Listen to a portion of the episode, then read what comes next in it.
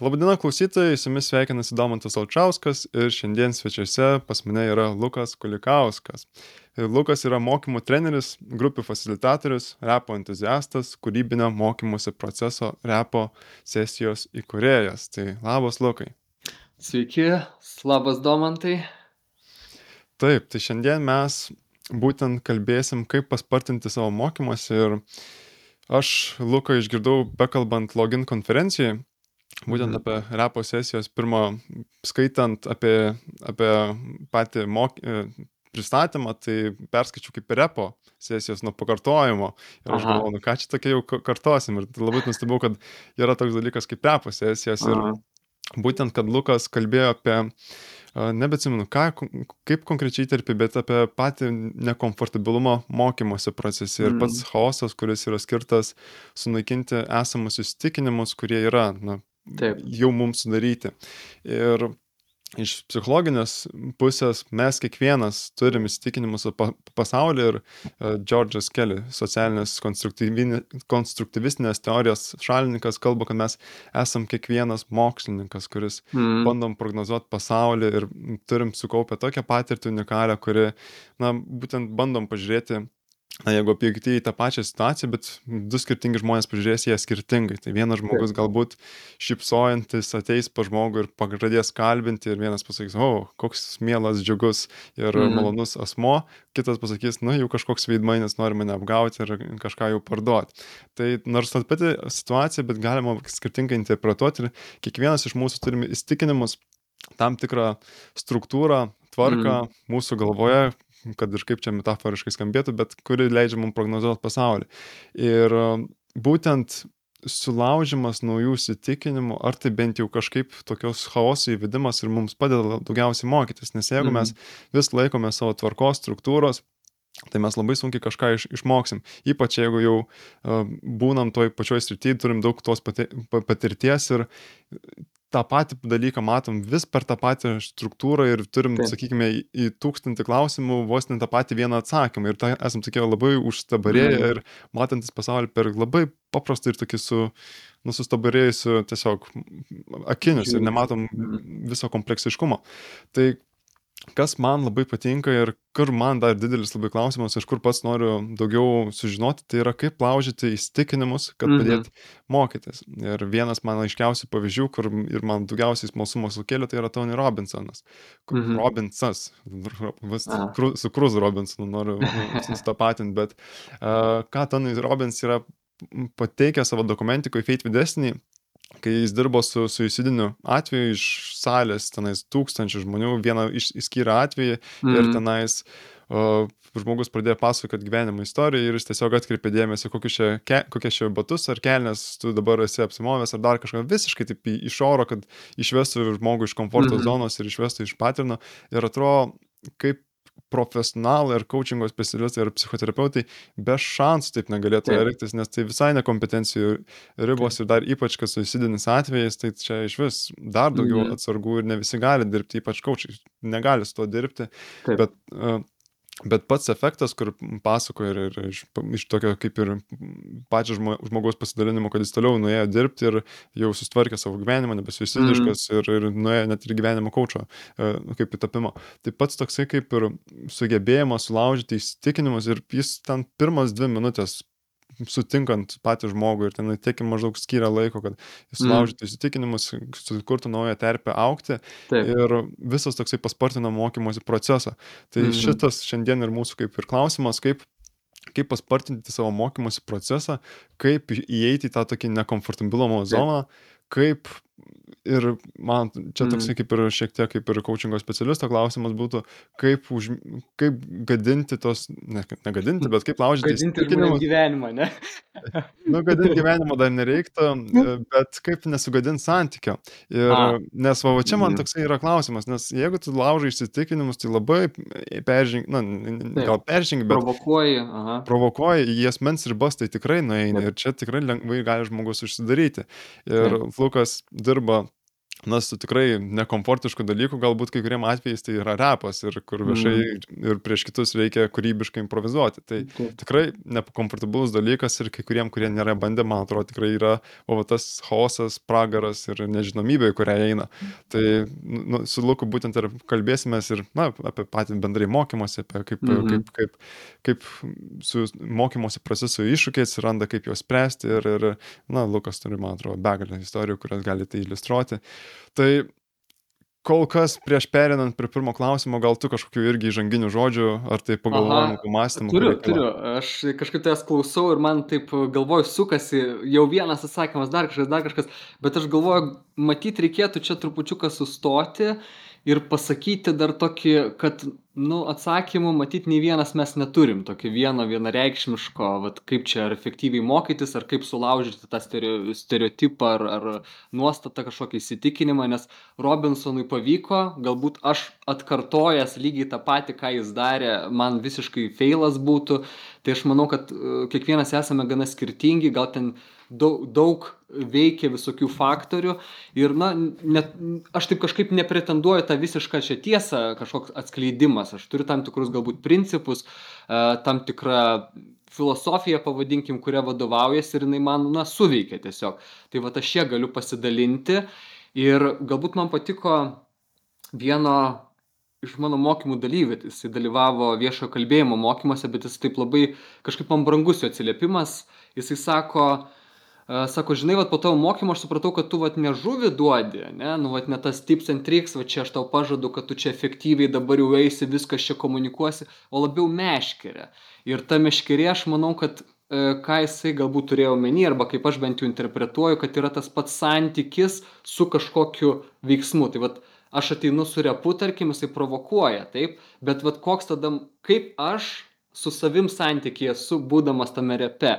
Man atrodo, čia yra labai svarbus dalykas, kur labai dažnai mm, tiesiog ir sunku išjudėti. Ten tarp, tarp, tapti galbūt viešojo kalbėjimo kažkokiu e, geriau tai atlikti. Nes sa, kaip aš pats kaip viešas, viešas kalbėtojas jaučiuosi tame procese toje, toje erdvėje ir taip toliau. Tai va tas santykis man yra daug įdomesnis ir čia, kaip sakiau, čia yra jau komplikuota, čia nėra tų vienareikšmiškų atsakymų ir, ir taip toliau. Tai, ja, tai čia, man atrodo, visur nėra magiškos piliulės, kurią galim suvalgyti taip. ir viskas priklauso nuo konteksto, nuo santykio, taip. nuo asmens. Tai gerai, tai prieš pradedant, man įdomu ir čia noriu daugiau ir pasiplėtoti apie visus iššūkius, kurie kyla taip. su mokymus procesu. Tai kaip ir dalinai paminėjom, kad uh, jau mes turim tokius kaip ir struktūrą su, sukristalizuotą, kuri jau ten mes bandom sunkiai tenais ją laviruoti, palyginus su mm. vaikais, kurie pastoviai keičiasi ir, mm -hmm. ir mhm. įsitikinimai auga. Bet uh, mes jau užsidarom ir mm -hmm. tampam defensyvus ir bandom apginti savo įsitikinimus. Taip. Ir tuomet, kai tu vedi, sakykime, mokymus ir Palauk, primink, kokius tris aspektus pagrindė tavo mokymai susiję, nes daugelį tematikų uh, lėti, vienas iš jų yra kūrybiškumas. Mm. Dirbu šiaip pagrindę su trim kompetencijom - kūrybiškumas, komunikacija ir, ben, ir bendradarbiavimas. Ir iš esmės tai visos tos kompetencijos visose programuose man ir atsispindi. Tai ties, ties šitais. Grįžtam prie klausimo, bet kaip įsivaizduoju, kad ne, kai mes jau prieš tai kalbėjomės pačiam pokalbio, kad mm. į, į repo sesijas ar tokias kūrybinės dirbtuvės, kur yra skatinamas kūrybiškumas, bendradarbiavimas, na, yeah. ateina ne visi laisvų norų, kad ateina, mm. sakykime, visi kai kurie, kurie, na, tiesiog reikia ir, ir, ir čia taip, taip. ateina iš, iš prievolės. Bet man įdomu tada, kaip tu tuomet užmėsgi santykiai su jais ir kaip tuomet jau bandai jau pertikti savo žinutę, kad, na, kuo efektyviau ją, ją, ją įsisavintų na šitas e, įsitraukimo dalyvavimo aspektas tai aš labai įvertinu. Aš manau kad e, kuo daugiau galiu įtraukti e, tuo geriau. Ir tikrai ne kartą būna kad ateina nes reikia nes kažkas vadovas pasakė ir taip toliau ir taip toliau. Ir tada nu toksai savotiškas yra kaip ir ir trukdis tam tikra prasme. Bet aš sakyčiau kad šita patirtis man labai panaši yra į mokyklos patirtį tiesą sakant iš kurios iš kurios mes daugelis atėjo kur tu turi ateiti keturiasdešim penkios minutės du suole sėdėti nu toksai vat. Ir aš atvirai pasakysiu mano daug mano praktiškai visa praktika, visas darbas yra paremtas tam tikrų pykčių, e, vat, kilus iš, to, iš, to, iš tos sistemos, taip sakant, iš tų pasiekmių galų gale, kad, nu, realybėje taip nėra, ne, kad aš turiu čia kažką daryti, aš turiu tą savo laisvą apsisprendimą ir taip toliau. Tai vat vienas iš mano dalykų, kaip aš su tokiais žmonėmis, kurie galbūt atėjo per prievartą, kabutėse, ne savo norų, mes guryšį tai nuo širdumo, aš, aš pasidomiu. Tiesiog domiuosi, vat, tu atėjai, matau, kad čia kažkaip tarsi nelabai nori dalyvauti, kas atsitiko. Ir aš kartais neklausiu, ar tave čia savo noro atei, ne savo. Nu ir jie pasako, blemba, nu aš noriu kitką daryti, aš dabar čia esu, man čia liepia, taip toliau.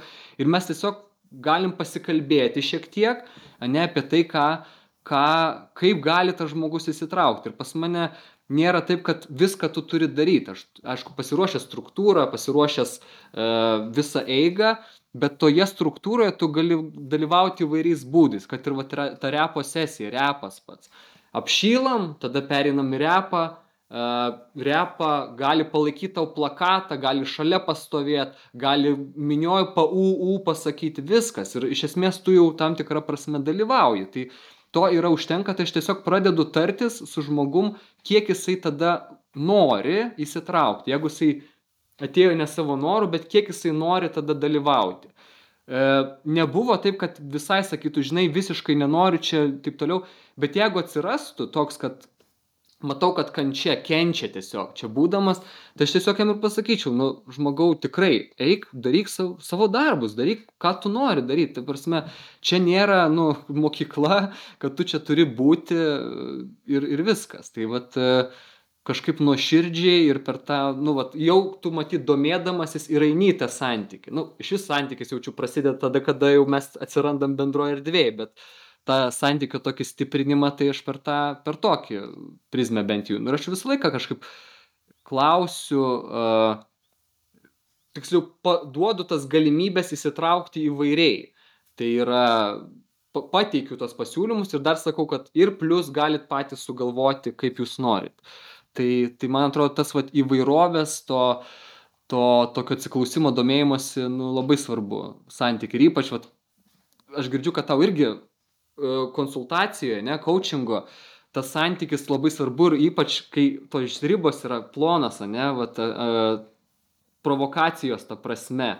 Ir čia, man atrodo, tikrai, nu, turi būti stiprus santykis, jeigu jau mes galime, nes kada mes dažnai provokuojame, kada, kaip čia pasakyti, kada tai gana natūralu mums būna, kaip mes su kokiais draugeliais einam, ai, ten tu žinai toks ir toks. Ir, nu, ir jisai neįsižeis, nes žino, kad tu geros intencijos tavo pasitik ir taip toliau. Tai va tas pasitikėjimas e, labai svarbu. Ir aišku, nu, tam yra, tam yra laikas, tam yra procesas ir labai dažnai aš pastebėjau vieną dalyką, kad e, dabar man atrodo, trupučiuką vyksta tendencija e, sam, įmonėse samdyti gana trumpiems mokymams, kad aš jau jeigu ten pasakau, kad žiūrėkit, repo sesija, šiaip mokymai kokybiški dienos, dviejų dienų ir dabar mes iš vis ruošiam tokią viešojo kalbėjimo uh, programą su kitokie projektai. Tai aš jeigu taip tobulai, tobulai norėčiau viską išpildyti, tai ten vos ne penkios dienos gautus. Ir mes, aišku, realistiškai žiūrim, kad tai realiai vos ne, neįmanoma. Ne? E, tai kartais žmonės reaguoja tas 3,5 valandas, kad wow, kaip čia taip, nu, ta prasme, mes neturim tiek laiko. Bet tam santykiui, saugumui, vat, santykis saugumas, pavadinkim tokie labai du elementai, kur, su kuriais svarbu dirbti facilitatorium, e, mokymų treneriui. E, Facilitatorius aš gal taip trumpai įmesiu tokią čia savoką, kas galbūt nežino, tai aš taip trumpai pasakysiu, kad tiesiog rūpinimasis erdve, rūpinimasis procesu, kad jisai būtų lengvas.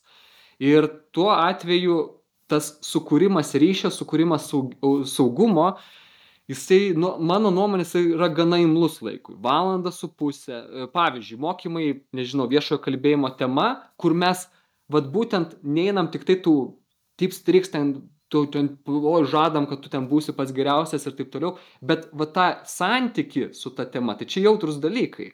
Ne, aš galiu, aš galiu, man ten visokių gali būti minčių, to ir kontradikcinių tokių, ne, ir, ir galbūt ne visai smagių, e, kur pasakyti grupėje, nu, wow, čia yra nu, sudėtinga, ne? Tai tam yra tas apšilimas, aišku, grupės dydis dar labai svarbu. Mm, mes, kai jau nepramoginis formatas, nes repo sesijų yra pramoginis formatas, kai jau yra tas mokymosi formatas, tada mes, aišku, iki 12, nu 15 maksimum, 12 šiaip toksai e, ta grupė turėtų būti, nes tada ir apšylam ir su tas sakau, saugiau, saugiau dalintis. Tai visą laiką yra ta pradžia, kuri šiek tiek yra kaip sakiau, imlesnė laikui, mokymai apie viešą kalbėjimą ir kartais klausia, tai palaukit, tai kam čia mes tą team buildingą čia kažkokį darom? Nu, tai gyvainam čia viešai kalbėti, ne? Bet, bet tas, tas saugumo ir, ir, ir pasitikėjimo sukūrimas yra labai svarbu, kad mes po to galėtumėm dėti pagrindus ir bandyti išlysti iš tų schemų uh, ir taip toliau. Okay. Taip, aš, aš visiškai nustebęs, kad aš vis dar tavęs nepaklausiau ir man baisas mūsų yra apie patį repą, kaip tu Taip. į tai atėjai ir kaip, A. kaip tai sugalvojai naudoti A. repo sesijas, grinai kompetencijom ugdyti. Man A. atrodo, apie mokymąsi tiek daug kalbam, bet aš visai pats nu, nukrypęs, nes pirmas neiškumas, kad mm. tai buvo ir, ir ne repo, o repo sesijos. Aha, tai pirmiausia, kaip tu atėjai patį repo, kaip tave sudomina ir kaip tada sugalvojai tai pritaikyti kaip mokymosi metodą. Mm. Tai jeigu tokia trumpa istorija, tai e, paauglystė žinoma, paauglystė, draugai, Eminemas, e, taip sakant, visa ta banga repo. Aš atsimenu, mano mačiutė į mane žiūrėdavo ir grumodavo, e, nes aš vis su tokiam apsmukusiam, ten 3XL gal kelniam, vienu žodžiu, su tokiais maišais vaikščiodavau. Tai, tai mano mačiutė visi mane ten, taip sakant, trupučiuką kreivokai žiūrėjo, žiūrėjo. Bet iš esmės toks per hobį, per hobį e, ir mm, tas hobis, jisai gana ilgai su manim, nu jisai ir dabar su manim, taip sakant, gal šiek tiek ap, apmažęs, kaip, kaip, kaip, bet pradžioje tai tikrai buvo labai intensyvu. Ir po to aš susidomėjau tokia sritimi, tiksliau, pa, ma, aš norėjau, vat, galvodamas apie tai, kur man link eiti e, karjeros keliu, tai aš visai nemažai galvojau apie psichologiją, nes aš ir e, jaunimo linijoje savanoriavau ir man vat, vėlgi tie, tie jautrus, pavadinkim, pokalbiai e, labai svarbus. Bet aš pamačiau, aš pats psichoterapiją lankiau ir aš pamačiau, kad tiesiog, nu, neįdomu, man bent jau, sėdi žmogus klauso ir, ir nu, toks, aš kažkaip judrumą, aš savį turiu tokios energijos teatrališkumo. Ir tada taip kitoje organizacijoje aš netikėtai susipažinau su neformaliu ūkdymu, su patirtiniu mokymus. Ir pamačiau, kad vat, žygis gali tapti mokymosi patirtis. Man buvo wow.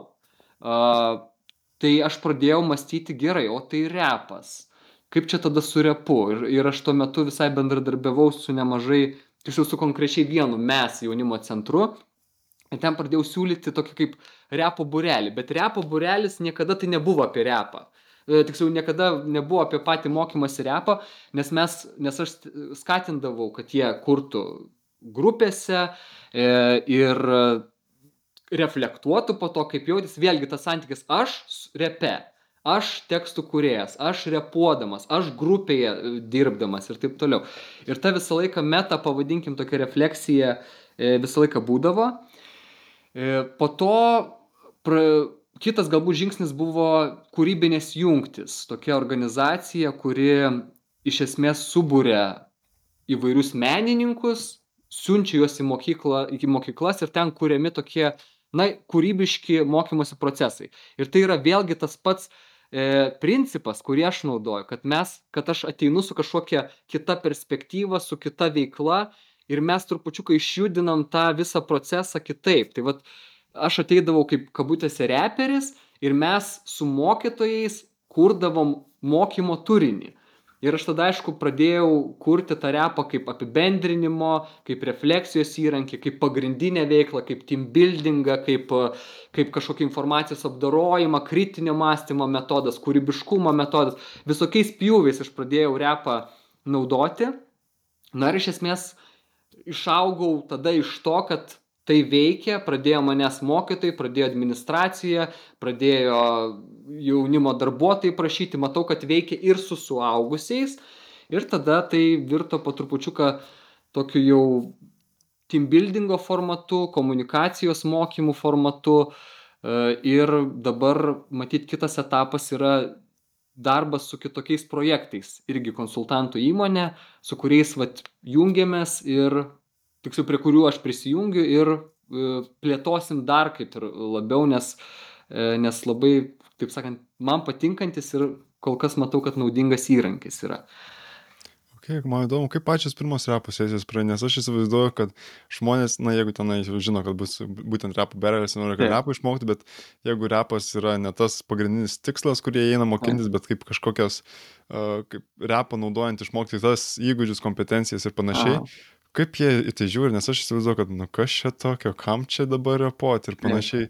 Kaip pirmos repo sesijos praėjo? Ir čia labai, man atrodo, natūralus klausimas, nu, nes toksai keista, tarkim, nes aš kartais integruoju va repo sesiją į viešojo kalbėjimo mokymus ir galvoju, nu tai prie ko čia nerepas. E, bet repas yra apie, apie žinutę, apie komunikabilumą, apie ekspresiją ir taip toliau. Tai e, galbūt čia atsakant, svarbu pasikalbėti su žmonėm, nes labai dažnai, sakau, yra tokių įvairių stereotipų. Iškart galvoja, kad aš čia turėsiu atsistoti, repuoti, pamirštamas tas galbūt komandos elementas. Uh, ir, ir apšildyti. Gal dar trupučiu, gal dar gali priminti klausimą. Aš Kaip, kaip pačios pirmos repo sesijos Ai, praėjo, nes aš toks įsitikinimas, kad tikrai būtų buvę pasipriešinimo, nu, ar tai iš visų, bet tai tikrai vienas kitas tikrai pasipriešinimo turėjo. Ir čia, žinokit, tas pasipriešinimas yra labai įdomus dalykas, kurį galima būtent reflektuoti. Tik aišku, čia reikėtų iš karto susitarti iš anksto su, su užsakovais, pavadinkim, nes yra skirtingi skirtingi norai. Galbūt yra labiau noras va tam kaip sakau pramoginiam tokiam formatui kur mes tiesiog ateinam ir sukuriam repą parepuojam tokią vyšnią ant torto. Emocijos aukštos didelės ir ir užteks to ten tiesiog paklausti kaip sekėsi va liuks čia gal šitoj vietoj įstrigau dar kažką ir viskas viso gero.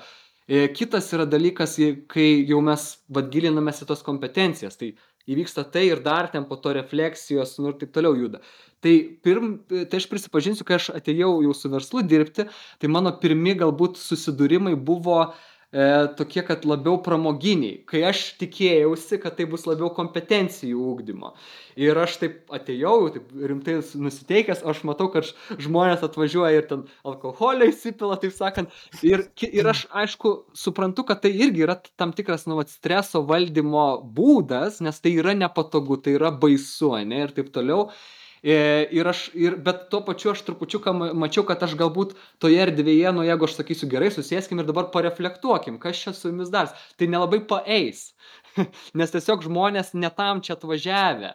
E, bet tuo pačiu, jeigu vat, mes iš anksto sutartumėm, e, kad būtent toks formatas ir tada jau galima būtų ten kažkas, aha, kaip tu jautiesi ne dėl to ir taip toliau, atverti tą diskusiją ir trupučiuką pristabdyti procesą. Nes procesą svarbu stabdyti, nu, taip sakant, lėtinti. Ypač jeigu mes kalbam, vat, vėlgi apie tą efektyvų mokymasi, tai va čia ir yra vėlgi facilitatoriaus mokymų trenerio, man atrodo, tokia kaip ir e, atsakomybė yra daryti tas kokybiškas pauzes, kur įvyksta kažkas su žmogumi, mes sustojam ir tada pareflektuojam, kas įvyko. Ir vėlgi, aišku, saugia aplinka, e, prieš tai tam tikras susipažinimas ir taip toliau ir kad kad galėtų įvykti tas tas atsivėrimas ten nežinau ar komandoj kaip sekėsi dirbt ar man kaip kaip e, viešai ane repavusiam išėjusiam ir pabandžiusiam kas su manim vyko. Tai tos kokybiškos pauzės ir proceso lėtinimas. Kažkaip aš pastebėjau kad mes nu dabar pastaruoju metu vėlgi sakiau ta tendencija trumpėja mokymų laikas ir taip toliau tai norim greitai ane ir daug o trupučiuką aš jaučiu kad ko galbūt ne tai, kad ko mums reikia, bet ką aš galbūt siūlau, e, trupučiuką mažiau ir lėčiau tam tikrą prasme. Nes patyrimas kaip toks kaip repo, ne, išbandymas, man atrodo, jis yra didelis dalykas. Aš nei kart, tarkim, nesu bandęs kažko, aš pabandžiau, tai ten turėtų nuvirti visai emocijos. Plus, plus e, yra vienas dalykas individualiai, o kitas dar sluoksnis grupėje. Tai čia dar daugiau visokių dalykų gali įvykti tai su žmogumi. Tai va tas labai svarbu ap, ap, pakalbėti apie tai. Tai bet pirmas e, repų sesijas daugiau buvo a, tokios pramoginės, kur sakau, aš jau tikėjausi, ne, to, tokio gilesnio, bet pamačiau, kad pramoga labiau.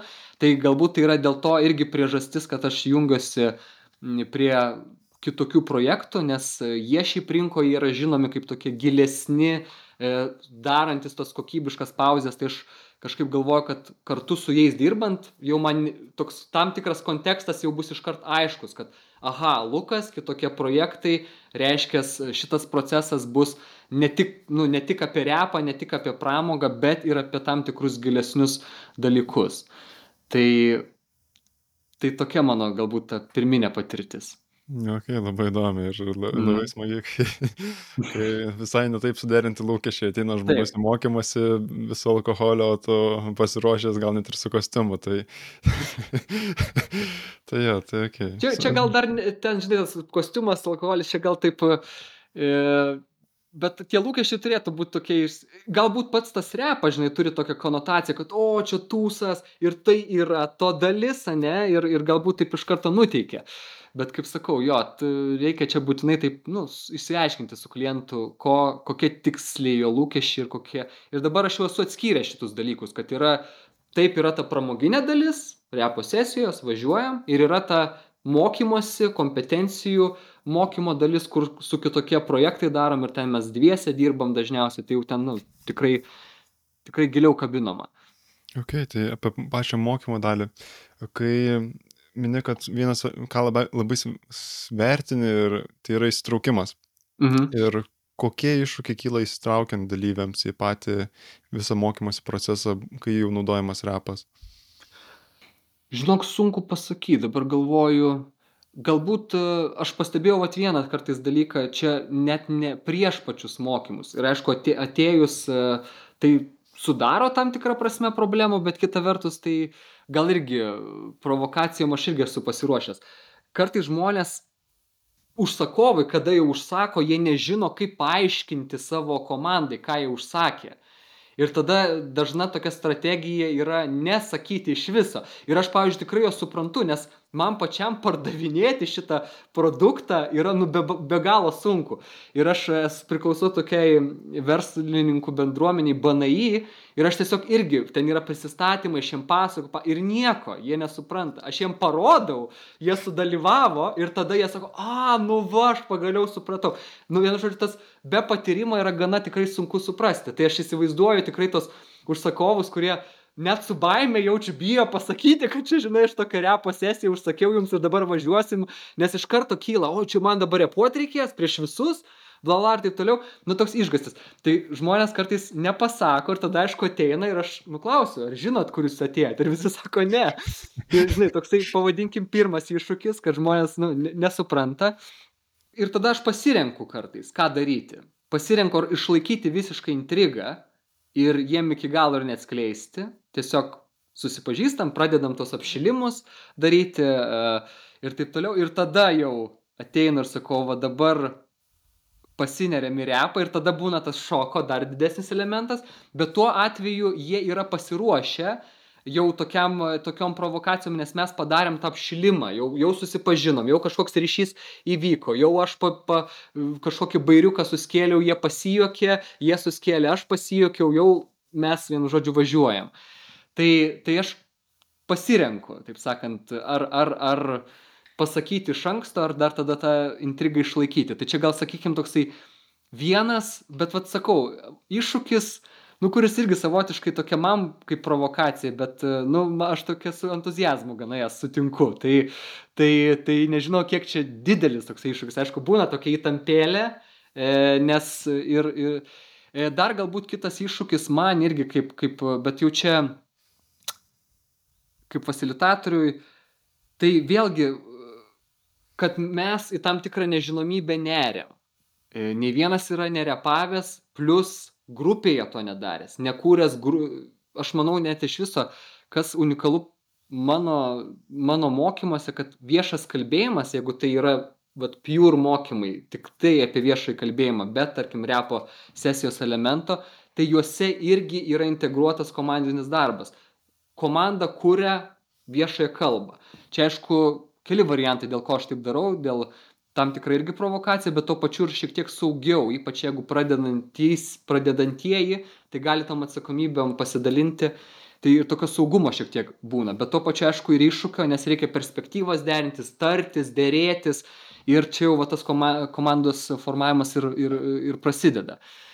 Dabar pamiršau, kur nukeliauti norėjau su šitu, taip nu, nuklydau. Ai, taip, ir vat, yra ta tokia savotiška nežinomybė, nes šiaip galbūt ir aš taip gerai dar žmonių ir nepažįstu, nes aš nežinau, kaip jie, jų reakcijų ir, ir, ir, ir jų komandinio darbo patirties ir įgūdžių ir taip toliau. Tai man pačiam visą laiką toks yra nerimas, nes pasipriešinimas labai dažnai būna to kūrybinio darbo pradžioje. Nes tada dar tokie tarsi neiškumai, instrukcijos tokios aiškios gana duotos, kurios, na, tikrai gerai sukaltos, kad būtų to aiškumo, ką daryti tiksliai. Bet kūrybinis, kūrybinis vat, vėlgi, tas kūrybiškumas irgi e, su lėtų procesu yra tampriai susijęs, nes kad įeiti, pavyzdžiui, aš tiesiog pavyzdį turiu su kolega neseniai e, diskutavimas, disertaciją rašo ir sako, mano e, procesas yra toks, aš pradedu 9 val. aš prokrastinuoju kokios 12, tada pradedu kažkokį planelį susidaryti ir tada ten kokią antrą jau pradedu rašyti. Tai čia realiai visa diena. Bet ta prokrastinacija, tas toksai kažkoks mm, stumdymasi su savimi yra kūrybiško proceso dalis.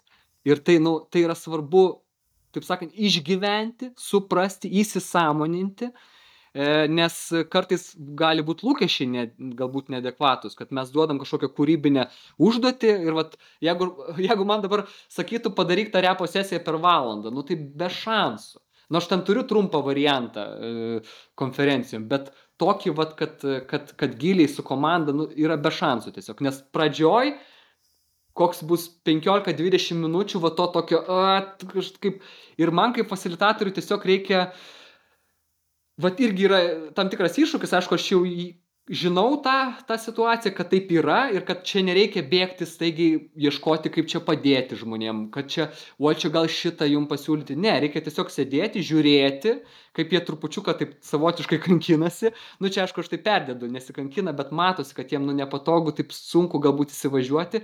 Ir man reikia tiesiog būt ramiai žiūrėti į tai tiesiog stebėti. Nu gal ten prieiti pa paklausti. Bet po kokių penkiolikos dvidešim minučių jie įsivažiuoja ir tada tiesiog rieda jau ten nuo kalno tas. Ir va tada aš jau ateinu, kai jau jie įsivažiuoja, tada aš ateinu, sakau, nu parodykit, ką padarėt, kažką jie man parodo, aš tada dar pasiūlau kažką ir prasideda tas jau konstravimas to teksto, konstravimas pasirodymo ir taip toliau.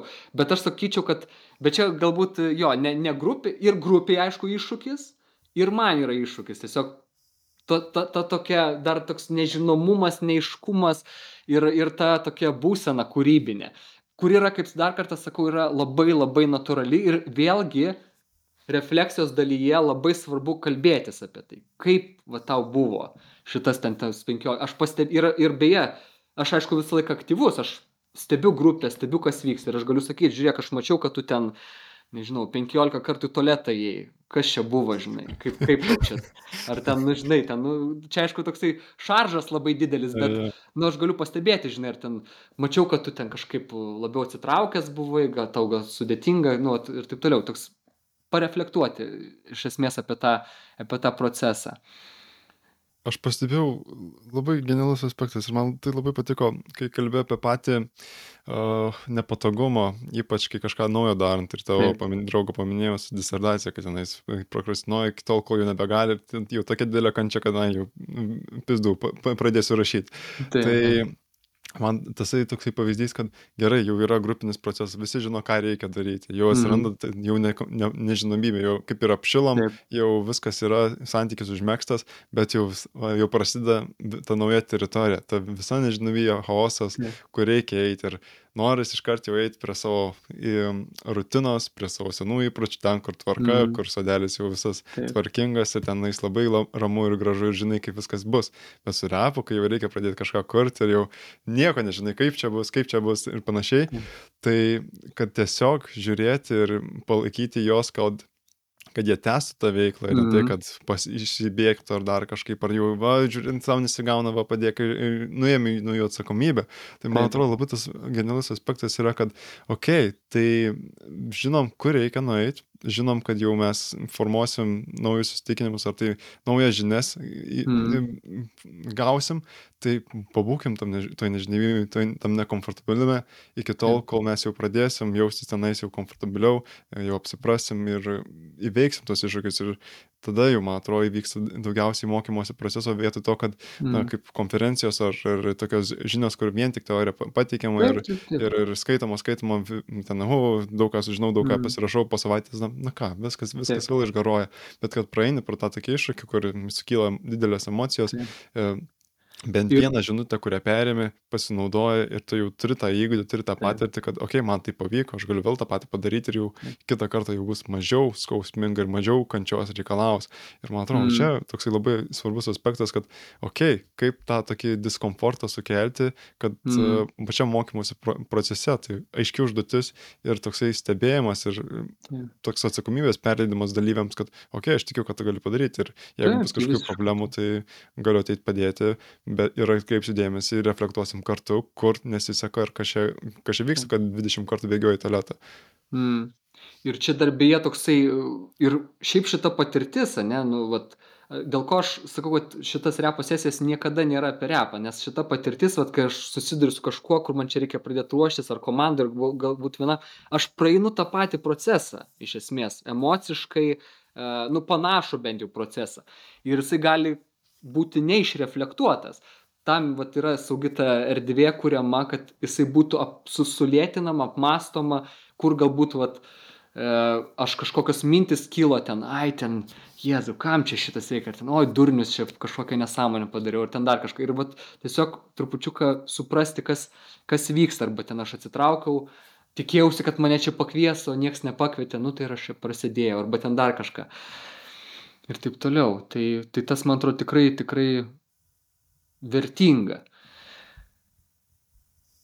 Kas man dar būtų vertinga mokymosi procesu? Minėjai tasai išbuvimas lietai tam tokiam mm. kūrybiškam procese. Kas man dar yra, kas prisideda prie efektyvaus mokymosi proceso? Aš dar, dar čia taip grįžtam prie šitą, aš galvoju, va, tas susipažinimas su šita va, kūrybiška, pavadinkim, kūrybinė veikla ir to procesu, jisai labai tas prisideda prie tokio prie, prieimimo, kad tame procese nu nebūtinai turi būti, o, čia, o, aš tai tik tai įkvėp, įkvėptas jau čia darau kažką, bet yra tas nemalonumas, kuris yra kuris yra, kuris tiesiog yra, ta prasme, ir nereikia ant jo uždėti, kad čia taip neturi būti, ar čia kažkas su manim blogai, kad taip yra, ne, ir, jeigu, ir va, tiesiog yra toks prieimimas. Tai va čia, man atrodo, tas, tas, tas labai svarbu. Uh, ir čia aišku susiję yra su mano tais darbo principais, patirtinio darbo principais. Tai yra kolbo ratas, iš esmės pagrindinis mokslinė, labai paprastai e, apibūdinantis, kaip žmonės mokosi, tai yra patirtis, patyrimas kažkoks, yra to patyrimo refleksija, tada išvados, eksperimentavimas ir iš esmės ratas vėl uh, kartojasi. Patiriam, vėl reflektuojam. Ir kur yra bėda, labai dažnai, kur yra va, tas ar neteisingos nuostatos nu, susiformuoja, ar tokios nepilnos, neinformuotos. Tai yra refleksijos tame etape. Aš galiu turėti patirtį, nežinau, atėjo kolega, mane aprikė ir mano išvada, ne, patirtis, mano refleksija, Jėzu, koks, koks šiknius, su šitu tai daugiau nešnekėsiu, išvada, su šitu daugiau nešnekėsiu. Mano eksperimentavimas, aš ignoruoju, nekalbu, ne, ne, nekalbu, nežinau, po, to patirtis tokia, kad mane atleidžia iš darbo, nes aš su juo turėjau dirbti, aš negalėjau su juo dirbti. Nu, ne, nu, čia tokia vėl šaržas, bet kita vertus, ne, atėjo kolega, kažką te man pasakė, aha, palauk, nu kas čia galėjo vykti, ne? Gal jisai neįsimiegojęs, galiu, ką galiu padaryti, galiu paklausti, galiu vėl nesugrįžti pasiklausti, kodėl tu čia man šitai pasakėjai galiu pats su savim pagal, pa, pa, pabūti, aha, kaip aš jaučiuosi, ne? man kažkaip pikta dėl to. E, norėjau kažkaip nu pagarbiai, kad jisai su manim šnekėtų, ne, vis tiek draugai, kolegos, taip toliau. To, ir tada jau ta išvada yra pilnesnė ir tas eksperim išvada, ką aš galiu padaryti. Aš galiu, nežinau, empatizuoti su savim, savo atjaus, kad aš čia dabar pykstu ir noriu jam trenkti, ne, ir taip toliau, ir taip toliau. E, tai tas neskubėjimo momentas ir beje aš gal čia papasakosiu vieną istoriją, kur man atrodo labai jinai svarbi. Ir ypač šitam vėl kontekste, kur labai norisi daug ir greitai ir kur tai gali nuvesti. Pavyzdžiui, viešojo kalbėjimo mokymai ir dalyvauja e, dalyvė, kur pasikeitė šiek tiek pas ją pareigos, jinai nuo tokio tiesioginio darbo su tam tikrom grupėm perėjo prie advokatavimo. Tai reiškia, kad jau jinai tiesiogiai nedirba, jinai daugiau jinai visokias konferencijas, politinius susitikimus ir advokatauja viešai kalbą. Ir aišku, e, jinai ateina, sako, oi, čia padėmos, ne, nu, ne tai, kad padėkit man, bet sako, žiūrėkit, yra tokia situacija, aš ateinu, aš pasiruošiu kalbą, pasiruošiu planą ir aš užlipu ant scenos ir aš nebesivadovauju, aš pradedu kalbėti, nusišneku, per ilgai išneku, žmonės pamato ir, man, ir aš negaliu sustoti, aš vat, nesi, nesivadovauju planu, ką man daryti. Ir aš taip kadangi buvo pradžia, aš taip lūkestį išgirdau, labai aiški problema, galvoju, gerai, pasižiūrėsim, kur eigoje čia galima įdėti. Ir atėjo kažkaip tas momentas, kur vėl iškilo šitas klausimas ir aš jau matau, kad žmonės, dalyviai ir net aš pats, čia irgi vat, svarbu save pradėti gaudyti šitoje vietoje kaip facilitatorių, e, prisiminti tą pauzės momentą. Nes mes labai skubam su tais, mes galim užskubėti tiksliau su patarimais. Ir ten taip ir buvo, ne? Tik jau tu nebandėjai ten tą platnelį ten šonę pasidėti, nebandėjai ten, nežinau, punktai, susi... nu, žinai, visai, o tu ten tą nebandėjai, tą nebandėjai. Ir aš tada taip prisimenu, pala, pala, galvoju, palauk, pauzė, sakau, palauk, sustojom, sakau, papasakok viską, kaip vyksta. Nu, sako, nu, sako, aš ateinu, aš atsisėdu ir prieš mane užlipa politikas kalbėti. Jisai kalba, aišku, sklandžiai, gražiai, visi ten jam paploja, visų akis blizga, kol jis šneka. Nulipa jisai, o pas ją jau pradeda virt, o Jėzau, kai, kai aš taip tikrai nesugebėsiu, taip nepavarysiu, jinai atsisėda į tą tribūną, meta planą, nes, bet ar pagauni, ne, kur yra problema? Problema nėra, kad jinai planu nesivadovauja. Problema yra jau tame momente, kai jinai pradeda lyginti save, tada nusprendžia, kad jinai jau taip nebepavarys, tada prasideda panika, tada jinai ateina ir vienas iš tos panikos išdavų yra mestą planą, pradėti kalbėti, ne ir taip toliau. Tai ir va čia yra, man atrodo, didelė problema, nes žmonės eina, moka pinigus, nes jinai pas mane atėjus, aš šiaip galėjau patart, nu žinai, tai tu čia gal ten, nežinau, gal tu kažkokį kitaip tu tą planą dėliokis. Nu, nežinau, kažkokią, kažkokią nepatarimą duoti, paleisti su va ta technika ir viskas. Ir jinai, ir, ir jinai vis tiek problemos neįsprendė. Jinai eina kitus mokymus, vėl ateina ten, sako, žiūrėkit, man žinokit, aš nesivadovauju planu. Jam ten irgi pasako, tu bandėjai vat, skaitmeninį variantą su planšetė ateiti. Ne, nebandžiau, pabandysiu. Ir vėl tas pats, ne, ir taip toliau, ir taip toliau. Ir ir vat šitoj vietoj vėlgi refleksija, pauzė yra labai svarbi susirinkti tas duomenis, kas įvyksta su manimi, kurioj vietoj įvyksta su manimi. Tai aš sakyčiau, tas greitas išvadų pasidarimas yra labai uh, didelis stabdis mokymosi procese, ne ypač, ar net net tikslų kažkokiam sėkimo procese. Mes norim pasiekti net tikslą, galbūt ir noras yra, vat, kad išgirstų mane, kad aš sklandžiai išnekėčiau, bet problema ne ta kad aš vadov nesivadovauju savo planu. Problema yra kad aš pradedu lygintis galbūt neadekvatūs kažkokie lūkesčiai sau ane nes aš lipu trečią kartą ant scenos o prieš mane ėjo politikas kuris dvidešim milijonų kartų lipo ant tos scenos ane ir ir ir ir aš jau noriu būti ane kaip jis. Tai tai tada galima dirbti ties tiksliau negalima dirbti o reikia dirbti ties kitais visai dalykais. Tai mano matyt aš pastebėjau, kad tokiuose mokymuose, kurie vat, yra ten pusdienio, dienos, net ir dviejų, aš jaučiu, čia yra, nėra taip, kad mes labai kažkaip supurtysim, sukratysim, kad iškart žmogus išeis su pakeistais įsitikinimais ir nuostatom. Ar kažkaip kitaip pradės veikti. Man atrodo, mūsų pareiga, vat, facilitatorių ir grupė, beje, vat, čia dar prisidėsiu prie šito, e, mūsų pareiga yra tiesiog atkreipti dėmesį. Žiūrėk, tu atsisėdai, tu savo pasakėjai, kad tu nepavarysi taip kaip jisai. Tu lipi antrą kartą, ne? Tas politikas ten dvidešimtą kartą. Tau kas atsitiko? Pradėjai prakaituot, prasidėjo panika, užlipai, metėjai. Ne? Ir vienu žodžiu, tiesiog aš atkreipiu dėmesį, kad tau taip įvyko. Mm, galima toliau ten apie testinius kažkokius procesus, galbūt organizacija išsigrynina dar ne kažkokiu tą, tą problemą ir jau prašo tada konkrečiai su ta problema susijusių mokymų.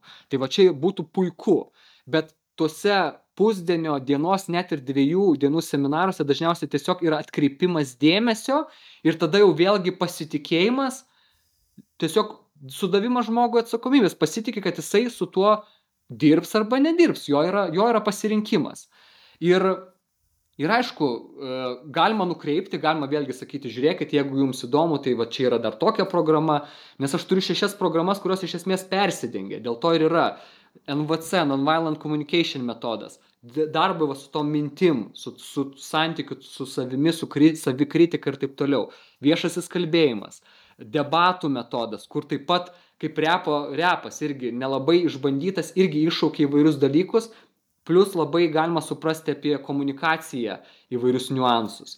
Tai va tos e, persidengiančios dėl to ir yra, kad ateikim į vieną, pamatykim tam tikras problemas, pasirinkim kažką kitą, kas tai spręstų. Ir beje, ir dar, vat, grįžt, ir dar labai svarbu, dėl ko aš mėgstu gru, su grupėm dirbti, grupinis procesas. Todėl, kad vėlgi, aš nesu visažinis visagalis ir kartais aš galiu pasakyti, nu, va, žinai, tu savikritiška atrodo, nu, va, pasakei arba kažkokie galbūt neadekvatūs lūkesčiai, ne aš, aš kartais, aš taip aišku ne, nesakau, e, kažkaip galbūt ar diplomatiškiau, ar, arba labiau per pastebėjimo tokį prizmę, bet kažkas iš grupės gali tiesiog pasakyti, nu tai ko tu čia save, tu ką, jokauji gal, taigi tu antrą kartą lipi, tu ką nori kaip jis buvo ir viskas, ir įkrenta žmogui.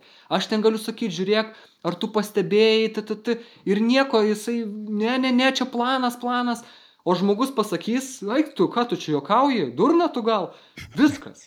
Ir žmogui kažkas klikina. Tai grupė yra įrankis, yra, yra resursas. Ir sakau, kartais man nereikia pasakyti, grupė pasako. Kažkas iš grupės vienai pasako. Ir ten grupė irgi visi skirtingi.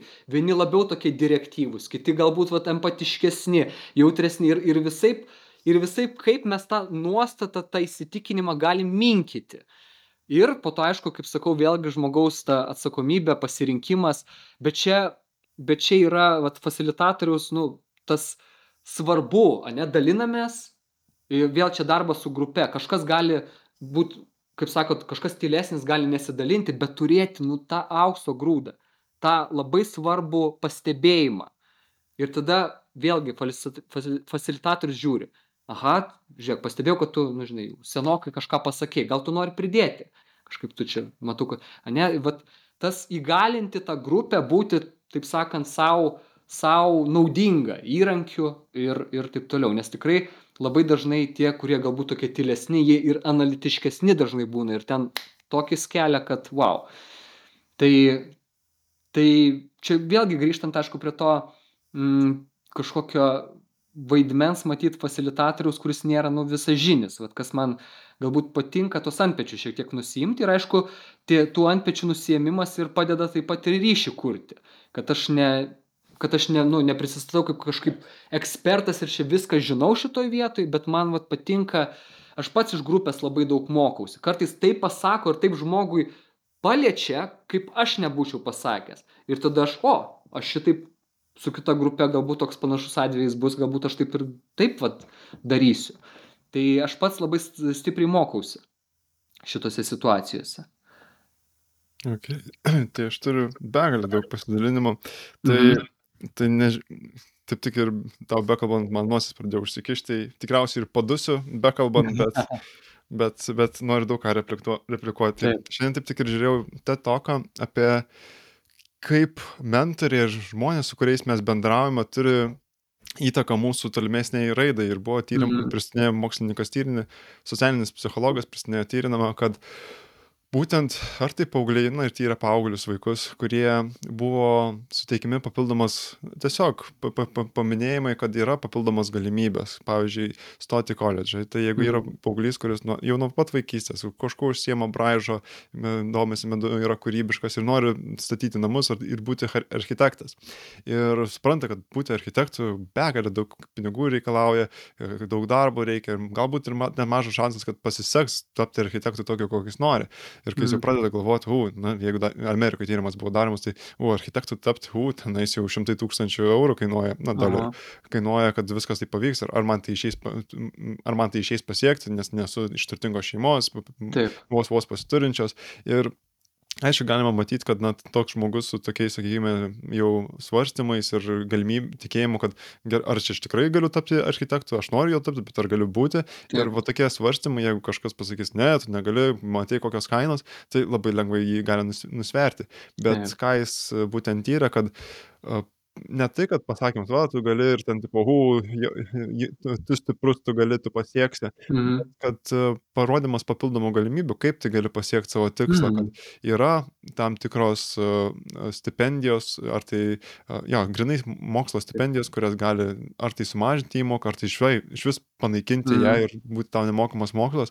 Ir jis iškart pastebėjo, kad tie paaugliai, kurie būna po tokio labai paprasto pasidalinimo ar tai po parodymo papildomų galimybių, tai jau septynis kartus daugiau, pada, septynis kartus labiau linkę yra padaryti kitą savo užduotį namų darbų Taip. Ir taip pat 10 procentų turi didesnį uh, persistent, tokį atkaklumą, užsispyrimą savo tikslo siekimui ir savo vaidmenį. Mhm. Tai jeigu kalbant apie grupę, kurie esam ir, ir mokomės, tai aš įsivaizduoju, kad papildomai vien balsai, kurie sako, va, tu gali tą padaryti, gali tą, na jeigu ateina ta pati moteris, kad Taip. man, aš noriu uh, skaityti pranešimus, neužsikirsti, laikytis planus, Mhm. kalbėti kaip politikas, prieš, kuris prieš mane kalbėjo, tai visos tos tokios galimybės, kad va, yra, va, čia yra tokia galimybė, taip gali pasielgti, taip gali Mhm. pasielgti. Ir tai labai gali praplėsti patį visą žmogaus matymą ir užsispyrimą, toliau tęsti ir siekti savo tikslą. Ir taip pat, kas man dar kilo, kad kuo skiriasi, na, na čia iš karto jau coaching advokosiu, kad kuo Mhm. skiriasi e, grupinis nuo vienas ant vieno mokymosi procesas, Taip. kur kur yra coachingas, na, tu tokių įsitikinimų gali nepaliesti. Ir man iš karto iškilo mano asmeninis pavyzdys, kur coachingo sesijos, na, kaip coachai, mes kiekvieną, e, man atrodo, kaip ir profesionalai, ir psichoterapeutai, na, privalo, jeigu nori dėl profesinės etikos lankytis ir, ir ar tai coachintis, ar tai turėti terapinės sesijas. Tai turėjau coachingo sesijas, kur būtent pats pastebėjau savo įstikinimus, nes Mhm. čia prieš dvi savaitės turėjau paskutinę sesiją, tai per tos, to laikotarpį buvo na, karščiai, kur aš baisiai sunkiai pakeliu juos ir man iškart produktyvas krenta, miegas prastai išsimiego ir vi- visa, visi kiti brūdai. Mhm. Tai man iškart jau toksai sėdžiu kambarį, susitikimai yra jau antros dienos pusė, kambarį vos ne 30 laipsnių, tai iškart iškart save kaltinu, na kaip tu čia gali savo pastoviai, Mhm. e, ar tai atidėlioti darbus, ar tai Taip, sunkiai taip. susikaupti ir na, neišeina Mhm. nieko tau pasidaryti. Tai iškart tokie aišku vertinimai, ką čia man daryti, koks aš čia, ir Mhm. tokie iškart ateina vertinimai, kur ką aš turiu daryti, koks aš esu ir kaip, Mhm. kaip aš turiu elgtis. Tai būtent per coachingo sesiją aš noriu išsikėliau klausimą, kaip aš galiu susikaupti ir kaip galiu vėl grįžti į savo rutiną ir pasidaryti darbus. Ir tada iš toksai atsiskleidė, kad aš visai savo nebūnu toksai pažeidžiamas ir tokio kaip s- sąmoningumo užsidaręs, Mhm. kad aš savo neįsivardinu, kur konkrečiai yra problemos. Iškart sakau, kad va, čia jau su manim kažkas blogai ir, ir, Tikslą ir kokie yra sprendimo Mhm. būdai. Vietoj to, kad, okei, okay, nusirimink, pažiūrėk į Mhm. kontekstą, kuriame esi ir um, ne tai, kad vertintum save, kad jau man čia jau, kad va, aš prastai dirbu ir kas čia per tinginys, kad jau nebe, per kažkas Mhm. nieko nebedirbi, bet kad, okei, okay, palauk. Ar tai Mhm. 30 laipsnių kambaryje yra produktyvi aplinka, ar yra Taip, taip. kažkokių galimybių, ar tai būdų, kaip tu gali dirbti. Toksai buvimas pažeidžiamu, kad vietoj to, kad sustoti, reflektuoti ir uh, pažiūrėti, kur yra problema situacijų ir tai tikslo siekimi ir tuomet, okei, pareflektuoji, va, okei, čia problema yra ir galiu aš apie ją spręsti, bet vietoj to, kad uh, yra problema iš karto, ką čia kitą padaryti ir vietoj to, kad pe- peržiūrėtum savo planą ar tai kažką, tai iškart judi į priekį be jokio sustojimo. Ir Tai čia aš- dar gal įsiterpsiu, nes varyk. su dažnai vat, su streso valdymu dirbu. Ir va toks problemos sprendimas, ne, šo, kai aš bėgu spręsti problemą, tai dažniausiai ir yra streso priežastis. E, tai va tu, žinai, ten, Dieve, aš koks neproduktyvus, čia man reikia appsą įsirašyti, appsas nepadeda, čia man reikia pravedinti kambarį, ten tą padaryti, tą padaryti, žinai, Mhm. ir tai kelia stresą. O va tu sustojai, palauk. Aha, nu tokios mintis, bet ar adekvatu, ne? Ar čia tikrai taip yra? Palauk, ar, ar aplinka man tinka? 30 laipsnių, nu ne. ta prasme, čia visi, visi visų džiūtų smegenis, ne? Nu ir taip toliau, ir taip toliau. Ir tu susirenki va tą, tos duomenis, tu pilniau gali tą sprendimą priimti kur kryptį savo nusibriežti ir taip toliau. Tai va tas, va girdžiu, ta refleksija svarbi. Mm. Jo, ir mm, čia buvimas tokiu pažeidžiamu, nes pasakyti, kad Aha. ir sustoti, nes toksai labai kaip ir noras iškart eit prie kito tikslo, kad kažkas, mm. kas, jeigu jau ne, kažkas nepaėjo, tai gerai, pažiūrėkim, ką jau kito galiu daryti ir užsi, mm. užsiimti save. Ir ypač matau, pavyzdžiui, vyresnio amžiaus žmonės, ten 50-60, kur pastoji, sakykime, vien dirba, dirba, dirba ir čia su kursiokais esam šnekėję, kur seniorus kalbinami, na yra tiesiog gimnaičių pavyzdžių, kur, na, vis, na, sakykime, ateina pas mažiutį ir ten viskas paruošta, ten Aha. pas, pas anūkus kiekvieną ten savaitgalį važiuoja važinėja, veža maisto, tenais visko rūpinasi, skalbė, tenai nu, drabužių, visko pasirūpina, nieko nepagalvoja ir na, nieko nereikia ir panašiai. Tai atrodo, kad tie, kurie būtent per tą vien veiksmo darymą, nu, nieko daugiau mm. negalvoja ir vien eina per tą veik, judėjimą ir jau Taip. būna tam komfortabilime. Ir Bet labai, aš galvoju, tikrųjų... čia ne tik e, močiučių matyti atveju, nes man atrodo, kad dabar, vat, kaip, aš dar galvoju, va, tas, tas mąstymas, va čia aš neproduktyvus, ne čia aš turiu aš galvoju, jisai labai daug ateina iš visuomenės spaudimo būti produktyviam. Čia, mm. nu, čia, čia gal, kaip čia pasakyti, net ne tavo min, pasigauta kažkur mintis, žinai, ar ten žiniasklaida, ar dar kažkas, nes tas produktyvumo, nu, kultas yra iš esmės dabar visuomenės, ne, tas variklis, pavadinkim taip. Tai labai dažnai aš jaučiu, kad, nu, irgi galiu bent jau pantrinti, kad kad man irgi atrodo, kad aš dažnai tai save paspaudžiu, e, bet tas, man atrodo, tos mintis yra trupučiuką iš atėjusios iš tos visuomenės. Tai čia jau tokia kaip, kaip sluoksnis kažkoks atsiveria. Jo, e, diskusijų. tikrai taip, e, tik man, aš noriu išskirti tokią mintį, kad būtent mm. nesnio amžiaus žmonės tai labiau yra tos tokios veiklos fizinės, kad gerai kažką padarai, taip. ar tai keliauji, judi, grinai fiziškai ir taip labai aiškiai matosi, bet kai Aha. yra jau mūsų, kur su technologinis amžius ar su mintim yra kūrybinis darbas, tai taip. šitą jau sunkiau pamatysi. Va, čia galiu parašyti mm. laišką, čia galiu padaryti tą, yra begalis skirtingų būdų, kaip pasiekti tą patį tikslą. Ir va čia jau mm. atsiranda mm. tokie kaip iššūkiai. Nes kai mes, sakykime, prisėdam, ramiai pagalvojam, gerai, čia nu, pasidarom analizės visas, gerai, čia yra, ties, nu, jeigu aš noriu patekti į tašką A, esu dabar taškam B, na, gal atvirkščiai reiktų rydę sukeisti, kad jeigu aš esu dabar taške A ir noriu patekti į tašką B, tai yra begalis būdų, kaip tenais Taip. nesigauti. Ir kai mes pabandom, sakykime, vieną būdą, kuris, na, būtų ilgalaikis projektas, na, čia bet koks tikslas sėkimas, kad, na, mm. tenais begalis daug žingsnių turi padaryti ir jeigu iš pirmo karto nepasiseka, na, sakykime, salę nueiti, numės svorį, po savaitės sporto priaugai svorį, na, tipo, mest mes, mm. mes salę dabar dėl to, nu, ne, nesąmonė. Tai kai dabar pasižiūrim tokį kaip ir technologiją amžių, kad pasibandom vieną variantą ir jis nepaeina, iškart pereinam prie kito varianto, mm. tai va, va čia toksai pastovus bėgimas, testavimas visokiausių kitų dalykų, kai kažkas nepaeina vietoj to, kad pareflektuokim, kas čia mhm. būtent nepaėjo iš šito mano, sakykime, savaitės darbo, kur buvo iššūkiai ir ką galiu pakeisti, vietoj to, kad iškart vis, visą naują planą, kurį ir judi per priekį, toksai mhm. užsisukimas. Ir kas man atrodo, jau grįžtant prie tokios labiau pokalbio tematikos, kur yra jau efektyvus mokymas procesas, kai jau pats aiškiai bandai na, įsivardinti, kur yra problemos ir, ir na, aišku, kuo didesnis samoningumas kuo, ir kuo daugiau mhm. suvoki mm. apie tai, kas aplinkui dedasi aplink tave. Ir, na, sakykime, jeigu tau trūksta grinai žinių, įgūdžių ar tai palaikymo iš grupės Taip. ir, na, pildomų tokių resursų, tai jo, grupės ir repo sesijos ar, na, bet koks kitas toksai grupinis būdas, kur mm. gali susitelkti tuos resursus resursus ir gauti palaikymą, o va čia ir žmogus jau žinos, koks jam efektyviausias būdas siekti tikslo. Bet kai esi toksai mišalinė ir, ir, ir, ir net nežinai, kur eini ir pastovi vaikštai mokymus ir ten vis mm. bandai naują kažką padaryti ir galiausiai, nu, tiesiog boksuojas vietoj, tenais daug, ką, daug bėgi, bet bėgi tiesiog toj pačioj vietoj. Mm. Tai man atrodo, čia, nu, jau grįžtant prie, prie pačio viso apibendrinimo, kad, na, jo, nu, priklauso pirmiausia uh, nuo grupės resurso, kad na, kuo daugiau žmonės dalinasi apie galimybės, kurias gali mm. siekti, tai to ir didesnė tikimybė, kad tu pamatysi ir labiau susijęsi savo identitetą, e, kad na, matai galimybės, kaip tai pasiekti ir gauni palaikymą, kaip tai pasiekti, mm. tai tas labai padeda, bet ir aišku, reikia suvokti, kur tu nori pasiekti ir kokie dabar iššūkiai pas tave yra, kas neleidžia ten to pasiekti, vietoj to, kad vis, vis bėgtum, bėgtum, bėgtum, bėgtum ir, ir, ir, ir bandytum, ir iš, iš streso save stumtum. Mm. Labai trumpai, tiesiog pats bėgimas ir siekimas tikslų. Labai toks kaip, uh, man irgi taip daug atrodo vargo susikelia, kadangi mm. kartais pagalvoju, kam ten tiek daug siekti tikslų, vis tiek mes galiausiai mm. mirsim ir daugiausiai reikia prasmės susirinkti ir, na, žodžiu, mm. nirvaną pasiekim ir kam čia tiek daug stengtis. Bet, na, tuo tarpu, tarpu, kai jau, jau bandai kažkiek daugiau laisvalokio pasidaryti savo, nu, tuomet ir, oh, kas čia, daugiau chaoso atsiranda, nėra planų ir tuomet nebedar nedarai tų veiklų, kurios tau mėgamos, mm. tai toks irgi, irgi nepatenkintas. Tai mm. irgi aš tiesiog to stresuojuosi, bet Žodžiu, ne apie taip, kalbėkim.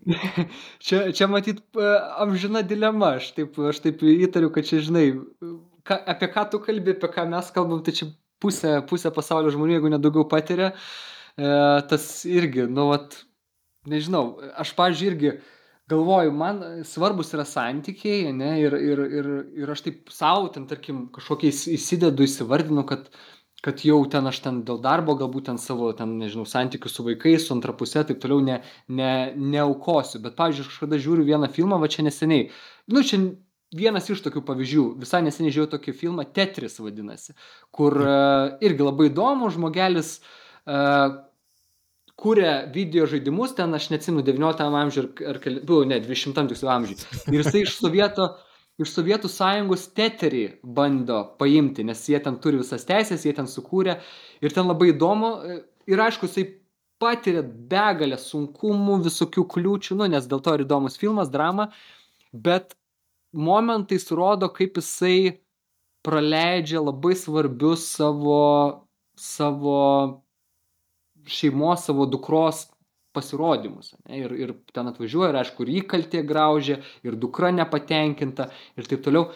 Ir aš galvoju, kad, nu, va, tas yra natūralu ir jaučiu čia galbūt tokia savotiška irgi edukacija, kas, nu, ką mes renkamės ir kad mes samoningiau rinktumėmės. Nes taip, ne, mes, matyti, jeigu mes atsiduodam daugiau darbų ir mes praleidžiam, ne, tokius momentus, tai tiesiog nu gerai žinoti, kad mes šudinai jausimės dėl to, kad bus blogai mums, ne? Ir, ir priimti tai, kad, nu taip, va taip yra ir, aišku, ir neuždėti to vėl sluoksnio, ne, kad taip neturi būti čia.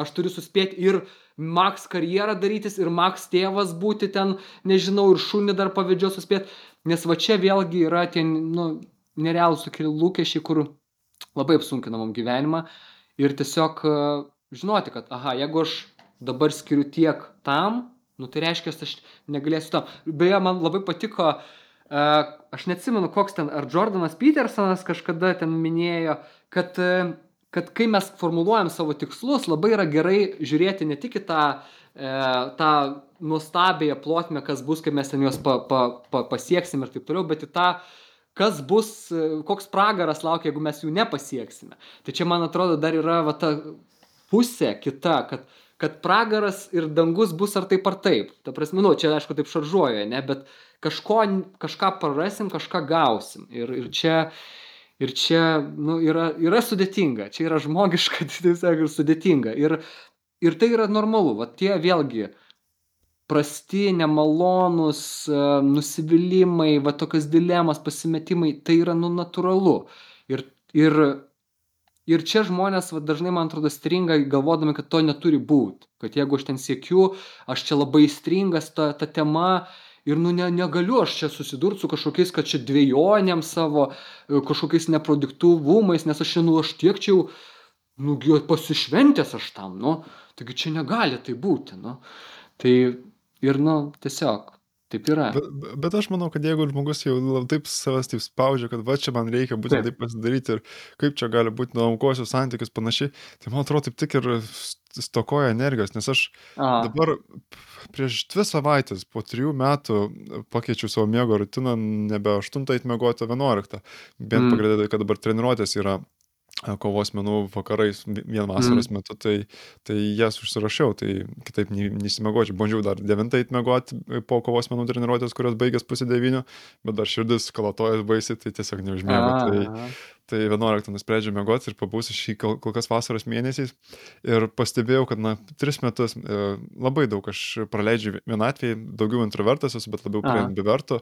Ir daug tikrai vienas praleidžiu laiko. Na, čia, jeigu susitikimai, kočingo sesijos, na, čia ne, neskaitau, bet kad, pavyzdžiui, santykių su draugais, ar tai išėjimai mm. pasivaikščioti, ar vakarienės panašiai, tai tikrai labai daug vienatvės pabūnu ir pastebiu, kad aš jau labiau stokoju energijos, nes nebetrūksta man resursų, kad, na, sakykime, mm. dirbčiau darbus. Ir mm. dėl to, man atrodo, populiarinti keturių dienų darbo savaitę yra, kad, okei, okay, mm. yra darbai, bet na, kad Taip. pasikrautum, tau vis tiek reikia skirtingų e, šaltinių, skirtingų veiklų Taip. Ir kad ir kiek tu nori, sakykime, tęsti profesiją, man atrodo, tik labai maža dalis populacijos gali na, mm. būti tokia, kad 80 valandų, ar tai ne, duokim Taip. tiesiog lengvesnį variantą, 50 valandų per savaitę metus, metų metus dirbti ir pasiekti rezultatų be, be darbo kainos, tai man atrodo, mm. ne, ne, kažkaip kiek aš žiūriu ir vis kažkaip, jeigu žiūriu per tokius sėkmės istorijas, kur ten žmonės pasakoja, kiek ten jie daug dirbo ir mm. panašiai, man atrodo, kad ten daug ką išpučia ir išpasakoja tų istorijų, kad va, aš 80 valandų dirbau ofise, mm. nors kai jau žiūri ir ten kaip kolegos pasakoja, tai jis tenais energetinius geria, ten 3-4 valandas, yeah. stresavo dėl susitikimų ir priemės prastus sprendimus ir, na, žodžiu, man atrodo, kad galėtum tu žymiai mm. tą patį 40 valandų padirbti ir vis tiek mm. pasiekti tos pačius rezultatus negu 80 10 valandų siek, e, dirbtum. Mm. Tai tasai pasi, pasikrovimas ir, ir ką aš noriu tiesiog pasakyti, kad dabar daugiau vakarų skiriu, kai nėra kovos menų treniruotės, tai su draugais ir mm. pasivaikščiojimais.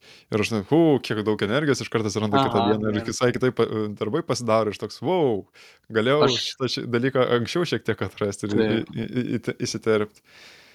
Aš tai žinok, šitam tai labai pritariu, aš atsimenu, buvo vienas toks etapas, uh, kai e, aš dirbau privačioj mokykloj, po to mes su draugu norėjom įsteigti privačią mokyklą. Ir, ir mes at būtent kalbėjom apie mokytojus kaip niekada nedirbančius pilną tatą kad jie būtų visą laiką kažkokiuose kituose kontekstuose, impulsų kitų turėtų. Ir va tada, ką tu sakai, aš atsišviežinu, aš ateinu čia su nauja energija. Tai man atrodo, uh, čia net nu toks savotiškas mūsų kriterijus buvo nu aišku tai vėl su tam tikros bėdos būtų sudarytos nes galbūt žmogus nori pilno etato žinai stabilaus darbo o čia siūlom tokį žinai kažkokį. E, tai čia būtų matyt specifiniam tik žmonėm bet man atrodo kad nu tas įvairovė yra labai svarbu. Ir tu nu atsigauni aš galbūt dėl to vat pavyzdžiui ir repas aš pavyzdžiui kartais man aš pasi kartais tiesiog pavyzdžiui aš neturiu kažkokių idėjų aš pradedu repuot puf man vat idėja atsiranda ne kažkokią kitą mentalinę būseną įeini. Su draugais susitinki atsišviežini ten kažkokios idėjos. Nežinau a filmą pažiūri vėl ane kažkas tai man atrodo ta įvairovė yra labai svarbi patirčių įvairovė. Aš pavyzdžiui pats irgi dab dabar grįžau anksčiau labai intensyviai prie tokios praktikos sąmoningas sapnavimas Ir labai įdomi praktika, kur tu sapne supranti, kad sapnuoji ir ten iš esmės, nu, ten va yra, žinai, tavo mintis, viskas, ten tikrai, aišku, vaizdinių pavydalų, bet tu gali ten daug tokių dalykų daryti. Ir tiek, aišku, apie savęs pažinimą, tiek apie kūrybą, tiek apie šiaip fan.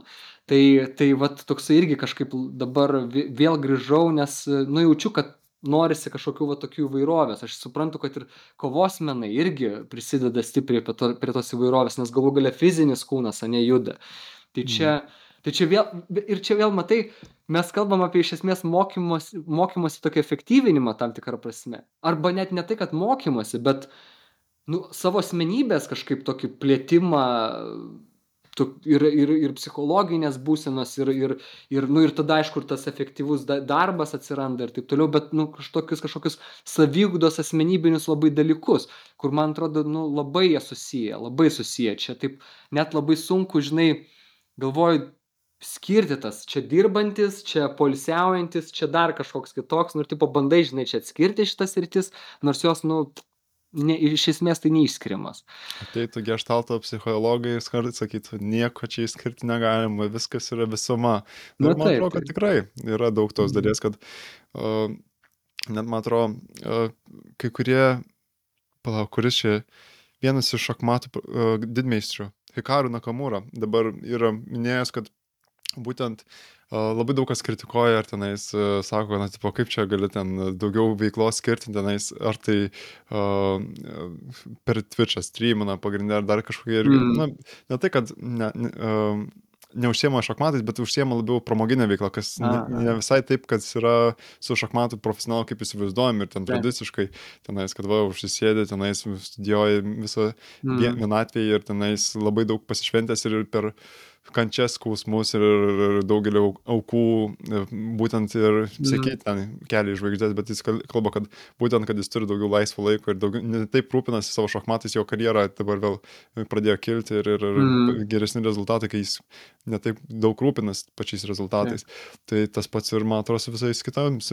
sritimis, kad jeigu mes jau daugiau skirtėme laikome ir nebe tiek daug galvojame apie patį darbą, tai pačios mintis ateis savaime mm. ir, ir naujas kūrybiškumas, naujas sąsajas. Aš, aš, aš turiu tokią praktiką, kai viešo kalbėjimo mokymų yra, aš gale užduodu namų nedarbus, vadinu tai oh. namų nedarbai. Ir čia yra iš esmės, vat, ką, ką mes dabar vat, ir kalbam, tas toksai į, įkvėpimo paieška jos neieškant iš esmės. Tai pasiruošia mane ten tam tikra struktūra susidedama, apie ką kalbės, bet aš tada sakau, gerai, ir dabar namų nedarbai, vienas tik tai prašymas. Ten žaidžiat su vaiku, vedžiojat šunį, duše prausėtės, ateina kažkokia mintis, at, kuri atrodo, o čia šitas anegdotas galbūt, ar tas straipsnis, kurį ten kažkada, va tiktų į tą kalbą, sakau, tiesiog užsirašykit. Ir viskas, ten pamiegojot, susapnavot kažką, į temą užsirašom. Istoriją pasakoja draugas, u, čia tiks, užsirašom. Ir va čia yra tas toksai gana pasyvus, bet jisai gana ir iš tikrųjų labai aktyvus, nes ten pasąmonė dirba, taip toliau, tiesa kažkokia vat, problema, tema ir, ir atsiranda uh, tų, tų sprendimų, tų kažkokių kūrybiškų, o jeigu mes pastovi vat, kišim tai sąmonį savo. Pastoju užkišim tos kabutėse, aš jau čia gal ezoteriškai pasakysiu kanalus, ar nežinau ką ten, ne, čakras, ar jo, jo, jo čia aš kur šiekauju, bet, bet jeigu mes pastoju užkišinėsim ir nepaliksim tos erdvės, va tokiam nu, vat, kad ateitų tiesiog, ne kažkoks. Nu, tai bus, bus, va čia tada, man atrodo, ir einam link perdėgymo, link to tokio chroniško streso e, ir taip toliau. Mm, dėl to matyti ir dabar populiarėja gal ir meditacijos praktikos, kur tu, nu, tarsi toks ištuštėjai kaip indas, bet tada į tave gali vėl pripilti daug ko. Uh, tai toksai man man šitas labai ir aišku tada ir pasivaikščiojimai ir aš ir fizinė veikla aš aš šitą lankau krosfitą kur irgi high intensity. Nes ten tiesiog tu taip smegenis atjungi kad apie nieką negalvoji tiktai vienas pritūpimas du pritūpimai trys pritūpimai keturi. Ir viskas žinai toks daugiau daugiau nereikia nieko mąstyti tenai Geras. Tai, namų nedarbai, eiktų man, kaip patinka šitas apibrėžimas. namų nedarbai, jo. Užsirašau, kurios nedarbus nedaryti. Tai taip, taip. nedarbus daryti. Kaip čia dabar išsiritulėt, bet žodžiu, dar vienas dalykas, kol nepamiršau, dėl sąmoningo sapnavimo. Visą laiką man mm. įdomus dalykas buvo ir girdėjęs, kad žmonės, kurie tai praktikuoja, sunkiai užsimiega, ar tai turi prastesnės kokybės miego. Kokia tavo patirtis to, ar tau pavyksta patirti tą, pačias kokybės miego ir sąmoningai mm. sapnuojant? Taip.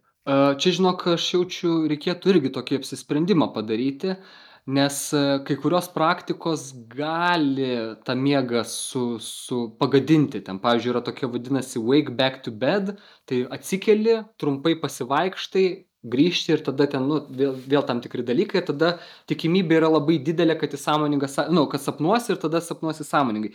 Uh, bet tas pertraukimas miego, nu, jisai aišku nėra sveika. Uh, Tai aš galbūt sakyčiau taip, mano pradžia, kai aš pradėjau tik tai do, do, domėtis ir matyti visą laiką, kaip mes kažko pradedam, ne, tai tokia, nu, didelė ugnis būna.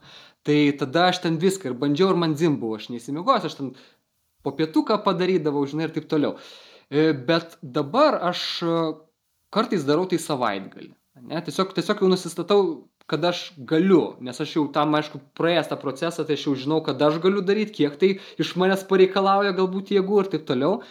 Ir dar man labai patinka tokie uh, retrytai, kur tu pats gali susigalvoti. Nu, vat, pavyzdžiui, žinau, kad mano uh, sužadėtinė Liepos gale, man atrodo, rūpiučio pradžioj bus stovykloje.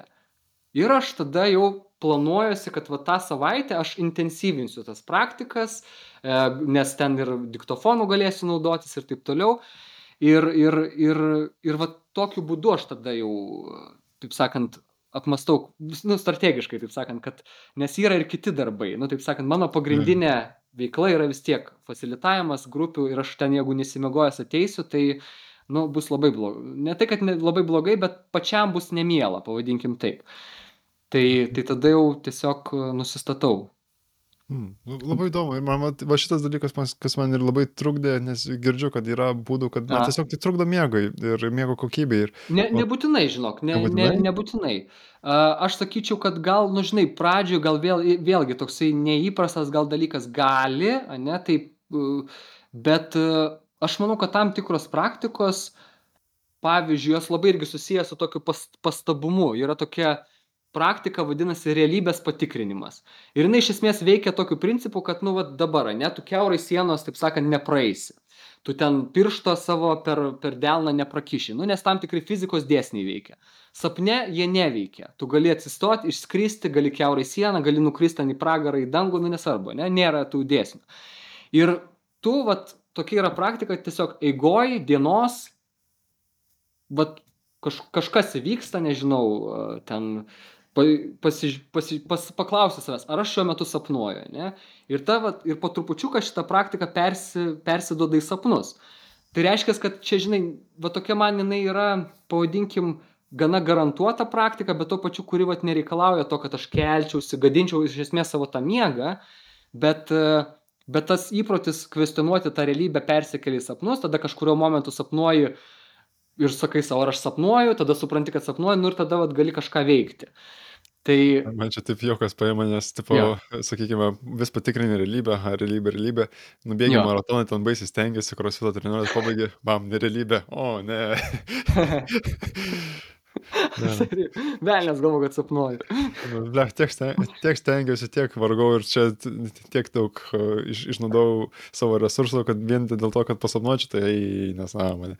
Na, bet, jo, čia šiaip humoristinis atvejis, bet atkreipsiu dėmesį, pabandysiu užsirašau savo namunį darbą, kad kars nuo karto šitaip, šitaip pabokštuoti savo delną. Ir... Aš beje pa, paleisiu netrukus, greičiausiai Liepos pabaigoje, galbūt arba ten rūpiučio jau blogą, taip su išsam, išsamesnį apie, apie šitą praktiką, galbūt ten bus ir YouTube, tiksliau ne galbūt, o bus ir YouTube video, tai vat, tikrai raginu pa, paskaityti.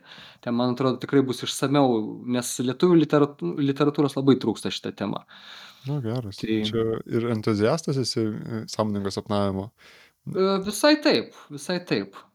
E, geras. Kažkaip mane, mane traukia. Nes matai, vėlgi, čia matyt ateina iš to, kai kaž, su kažkokia problema susiduri, ieškai kaip būdų, kaip spręsti. Ne? Tai, tai aš galbūt vėlgi tos šalininkas tarp, tarp discipliniškumo, kad pabandyti įvairias galbūt disciplinas, nes pavyzdžiui, sąmoningas sapnavimas. Čia momentas buvo kad aš sąmoningu sapnavimu tada sapnų interpretacija taip mane visai su sudomino.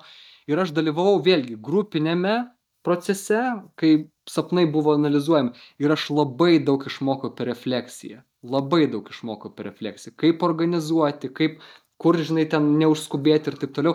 Tai vat man atrodo tokie nu vat hobis ir taip toliau labai praturtina mane kaip specialistą net mano srities Tai ten irgi tokių visokių praktikų, kur aš net galiu nu, naudoti savo, savo mokymų metu.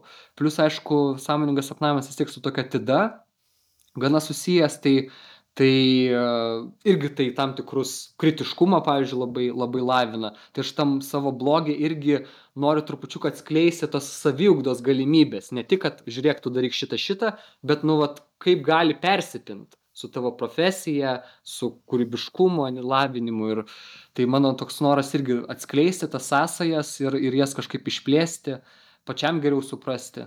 Ar gali pasidalinti kokią vieną refleksiją savo sąmoningo sapno, jeigu, jeigu prisimeni ir, ir, ir, ir nori tai dalintis?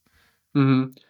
Man, aš gal pasakysiu, kas man įdomu būna sapne, uh, sąmoningam sapne, ką aš mėgstu daryti, tai yra pakalbinti tų sap, sapnų personažus, kas iš esmės yra arba mano dalys, arba, arba, arba dar kažkas. Tai tokia praktika man patinka, tokių visai netikėtų atsakymų, o iš sapnų interpretacijos e, tokį metodą, tai e, man labai įspūdį padarė gestaltiškas, kur idėja yra tokia, kad susapnuoji, užsirašai tą sapną, bet išsirinki kokius tris e, personažus, kurie vat atrodo tau esminiai.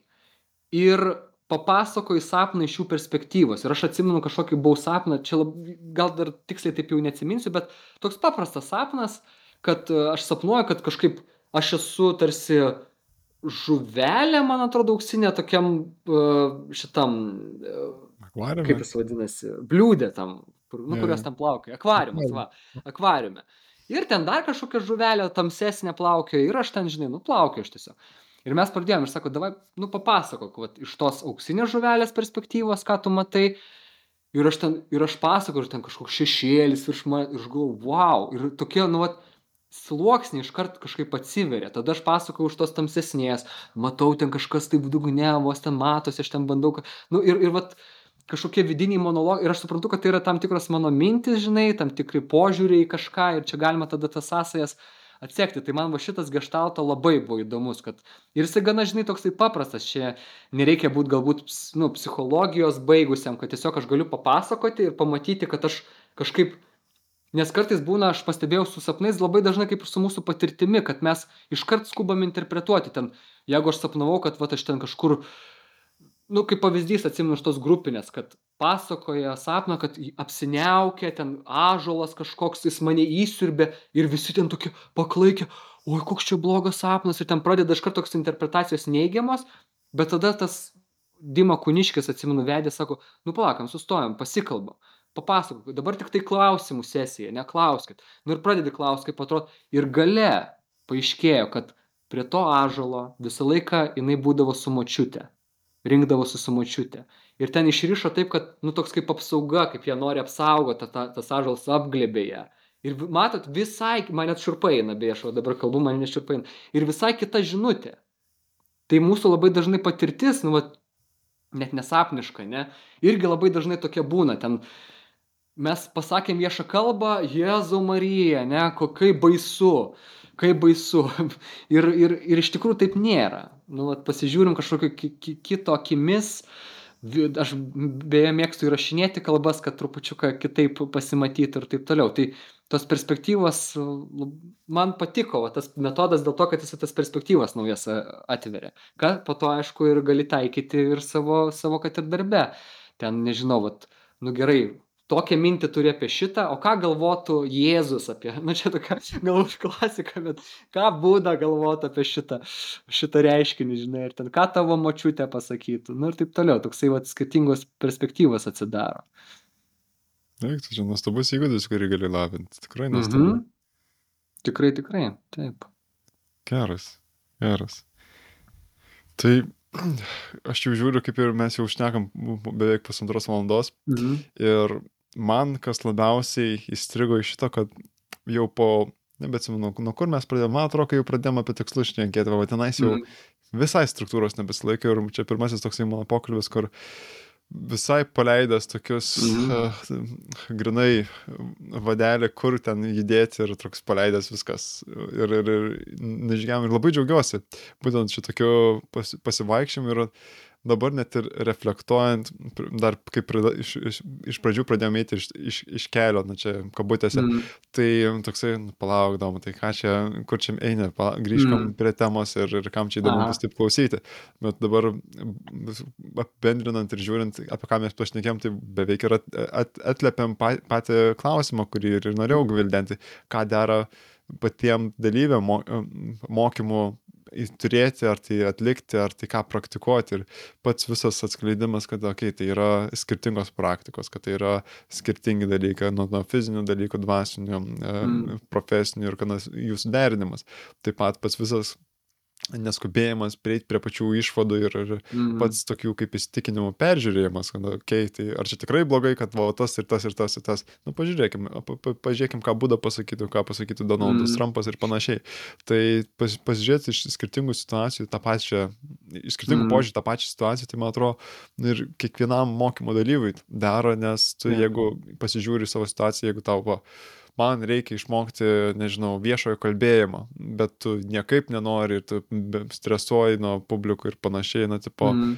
gal tau yra čia kažkokia vadovybės spaudimas, gal tai kažkieno irgi lūkestis yra, kad tu viešai kalbėtum, nors tu visai nenori, tu galbūt nori tiesiog vienai, vien, vienatvį būti toksai backstageris, kuris Mm. viską paruošia ir panašiai. Tai pažiūrėti iš skirtingų požiūrių į savo situaciją, savo norus ir nuo to tada jau atsi- atsispirti ir žiūrėti, kur eiti. Tai aš labai stebiuosi, kiek mes išgildenom ir, Mhm. ir, ir kokius atsakymus prieėm ir pats savo smalsumą patenkinau tam tikrais Mhm. klausimus. Tai ačiū tau, Lukai.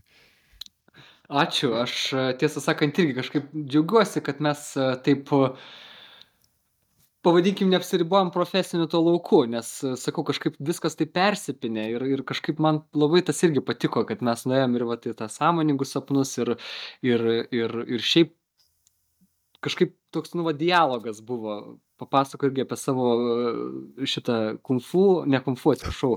MMA, ko- kovos MMA, menų. o, Jo. Okay. Tai vat, dar šitą galima tęsti, labai įdomu, bet, bet e, patinka irgi tas, kad e, ir man atrodo, čia dar vienas toks dalykas, galima užakcentuoti, apibendrinant, e, sakau, niekada nepridėti kažkokio kito dalyko, bet čia trupučiuką norisi, va tas malsumas, kad šitas irgi pokalbis vat, buvo dėl to galbūt ir įdomus, net kažkokių daug įžvalgų ištraukė, dėl to, kad tu ir aš mes smalsus buvom. Ir klausėm, klausinėjom, klausėmės, sustojom, reflektavom ir tas malsumas irgi labai labai svarbi tokia nuostata.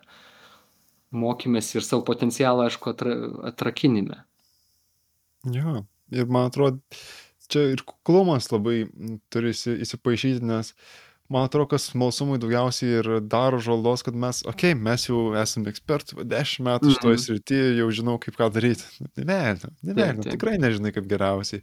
Mhm. Nebent jau kažkokioj biurokratijoje esi, bet ir dabar dirbtinis intelektas ateina, kaip jį inkorporuoti, kur yra aiškias taisyklės. Tai Mm. Man atrodo, tas visas kuklumas, kuris ateina iš tokio kaip ir vos ne kaip ego saugojimo, Mm. kad aš čia žinau, kaip yra, aš žinau savo tvarką, jau tiek daug metų dariau, mano net giminės tai darė protėjai panašiai. Tai man atrodo, tas toksai, ale, aš žinau. Ir aš Mhm. čia toksai esu, man atrodo, čia labai daug riboja smalsumą, nes gerai, gal tu ir žinai, kaip tau yra geriausia, bet Mhm. galbūt nežinai skirtingų būdų, kas kitiem veikia ir kokią įtaką daro. Tai, tai man atrodo, pats kaip ir svarbiausias aspektas pačio smalsumo yra žinojimas, kad tu tikrai nežinai pačio geriausio Mhm. sprendimo atsakymo į tavo konkretų klausimą kontekstą. Ir Jamesas Klieras man patinka, kad jis kalba, kad kaip įpročiai susiformuoja.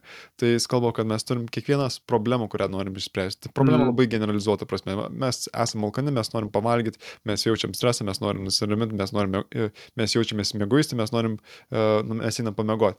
Tai mes turim visas tokias generalizuotas problemas, kur mes sukuriam įpročius, kaip jas spręsti. Tai jeigu mes pradedam jaustis kažkaip nerimastingi ar stresuojami, tai kai kurie susiformuos įprotį iš karto įlysti socialinius tinklus, pasimti Mhm. telefoną ir skrolinti. Ir tai padeda. Tikrai padeda numalšinti nerimą. Bet ilgalaikį perspektyvų tai atneša jau, gal net ir galim kalbėti apie priklausomybės, bent jau tikrai neigiamas pasiekmes, nes Mm. e, tu, jeigu vietoj to, kad ilsėtumės ir palsėtum ir nu, nusiramintum, tu galėtum eiti pamiduoti, pasivaikščioti, bet tu praleidi skrolinant. Tai kalbant apie tokius įpročius ir, ir tokį kaip ir kuklumą, kad gerai, mes turim daugelį skirtingų problemų. Tai jeigu aš noriu pasiekti tam tikrus verslo tik- tikslus, ar tai bet kokius sportinius tikslus, ir yra Mhm. daugelis problemų, kur vien to tikslo sėkmė atsiranda.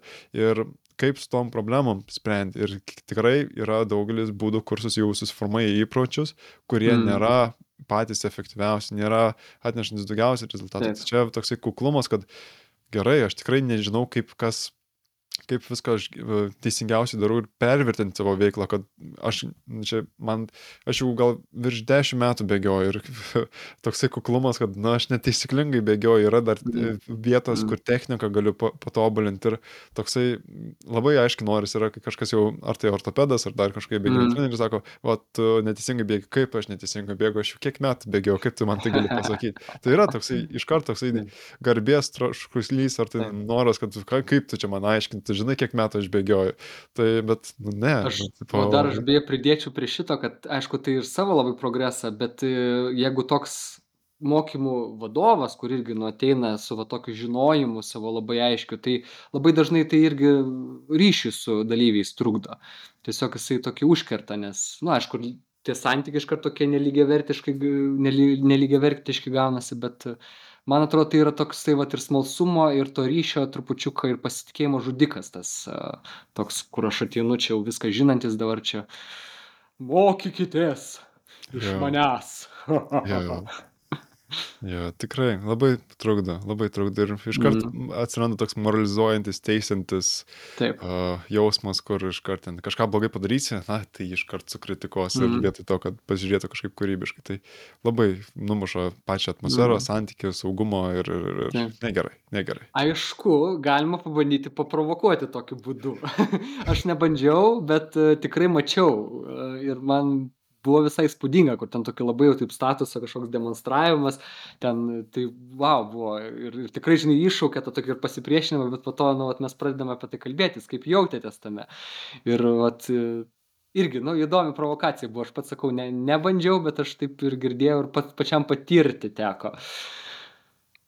Nebeatsimenu, Tiesiog. ko- nu, čia labai tą patį pavyzdį, nebeatsimenu koks Olandas, bet vienas garsus jų pranešėjas būtent už tai uždirba duoną, kad jis būtent provokuoja, ateina Mm. į aukščiausią lygį tenais, na, konferencija, aukščiausio lygio vadovai susirenka, nu, ten galvų galvas, tenais nepasai, negali tenais ar tai kreiptis ten nebandagiai, ten tipo tu, ar tai dar kažkaip panašiai, ir ten jis prieina prie ir ten klausia, nu, tik, ko, ką tu veiki, ko, ko, koks tavo ten, sakykime, esmė tavo verslo, Nu, ar Mhm. tikrai moki tai atlikti.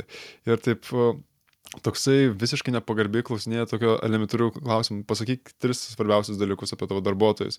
Ir taip žmonės vis laik taip, o, o, nes tu prigauni visai ne, ne, nežinomybei, nes tu, Taip, taip. nu, sakyti tokius abstrakčius klausimus, ko- kokie yra tavo trys geriausi dalykai apie darbuotojus. Nu, abejoju, kad kažkas taip būtent yra išmastęs ir susidėliojęs ir Mhm. būtent tai prisimena. Tai toks išvedimas iš komforto zonos ir tuomet jau paleidimas to tokio ego, kad, o, aš tikrai, Mhm. nu, tipo, ale ekspertas ir ale Taip. Žinantis viską, tai toksai a, a, a, a, Mhm. ir tuomet jau tada jisai ateina su savo žinutė, ką jis nori sakyti ir Mhm. kalbėti. Yra pranešėjų, kurie būtent tokį metodą naudoja, bet Mhm. man toksai atrodo, bet, bet, bet, bet kaip tuomet santykis formuojamas ir tikrai Aha. jis neužsidaro ir kažką pasisavina, nu bet jis už tai jau doną gauna. Tai Aš žinok irgi dalyvavau ir aišku, taip trupučiuką, ta, čia gal kitam kartui, bet tiesiog paminėsiu. Tokia yra provokati terapija, provokatyvus konsultavimas. mm. E, Artūras, e, Artūras vedė iš tokie projektai. Ir e, ten vat būtent aš irgi buvau nu apšalęs, ta prasme, kaip, kaip vyksta ta terapija, nes ten, nes kaip mes, ne, vat, coacheriai, va- va- facilitatoriai, psichoterapeutai, psichologai, nugi klausia, ane gilinasi, perklausia, perfrazuoja ir taip toliau ir taip toliau, turi tos įrankius, o ten teigi, e, ta prasme, e, bandai visoki, visokiais būdais tą pasipriešinimą išgauti, provokuoji. Ir aš atsimenu, mes ten praktikavomės ir, aš, ir man kažkaip pakliuvo, po, trysė buvom, viena tiesiog užsirašinėja e, ir po to feedbacką duoda ir mes. Ir kažkaip irgi mergin, moteris pradėjo kalbėti apie, apie ten, kad viešo kalbėjimo čia galbūt. Ir, ir aš ten visiškai pasileidau, žinai, plauko, sakau, ne, nu, bet tai palauk, tai nu, moteris, tu žinai, čia tau nesigaus. Nu, ir va, tok, ir aš žiūriu, ir va, ant, ant tokio levelio, bet kas buvo labai įdomu, kad aš irgi va, stebėdamas, nes jisai iš pradžių e, rodė. Ir aš taip irgi galvoju, žmogus labai užsidaro. Uh, ten ir aš galvoju, ar čia efektyvu, ar čia neefektyvu, bet aš pas, pamačiau vat, toj vietoj, kad labai įdomus efektas pradeda, nu, vat, tas pyktis atsiranda, kuris mobilizuoja, ne, kuris, blin, ką tu čia, žinai, man aiškini. Ir aš Mhm. padarysiu, žinai, va tau jakį, žinai. Tai aš kažkaip ir aš taip galvoju, aš psichoterapiją lankiau, dažnai psichoterapijai, na, žinai, ir matau šiaip ten NVC, tarkim, nonviolent communication praktikos ir taip toliau, mes taip ateinam iš tokio, nu, vat, aš turiu čia tokią bėdą, žinai, čia tą bandžiau, visi taip empatiškai klauso, o ten, nu, tokį kažkaip ir tas pyktis, aš matau, kad, nu, jinai padarys, taip kažkoks yra net pasitikėjimas, kad, va, jinai padarys.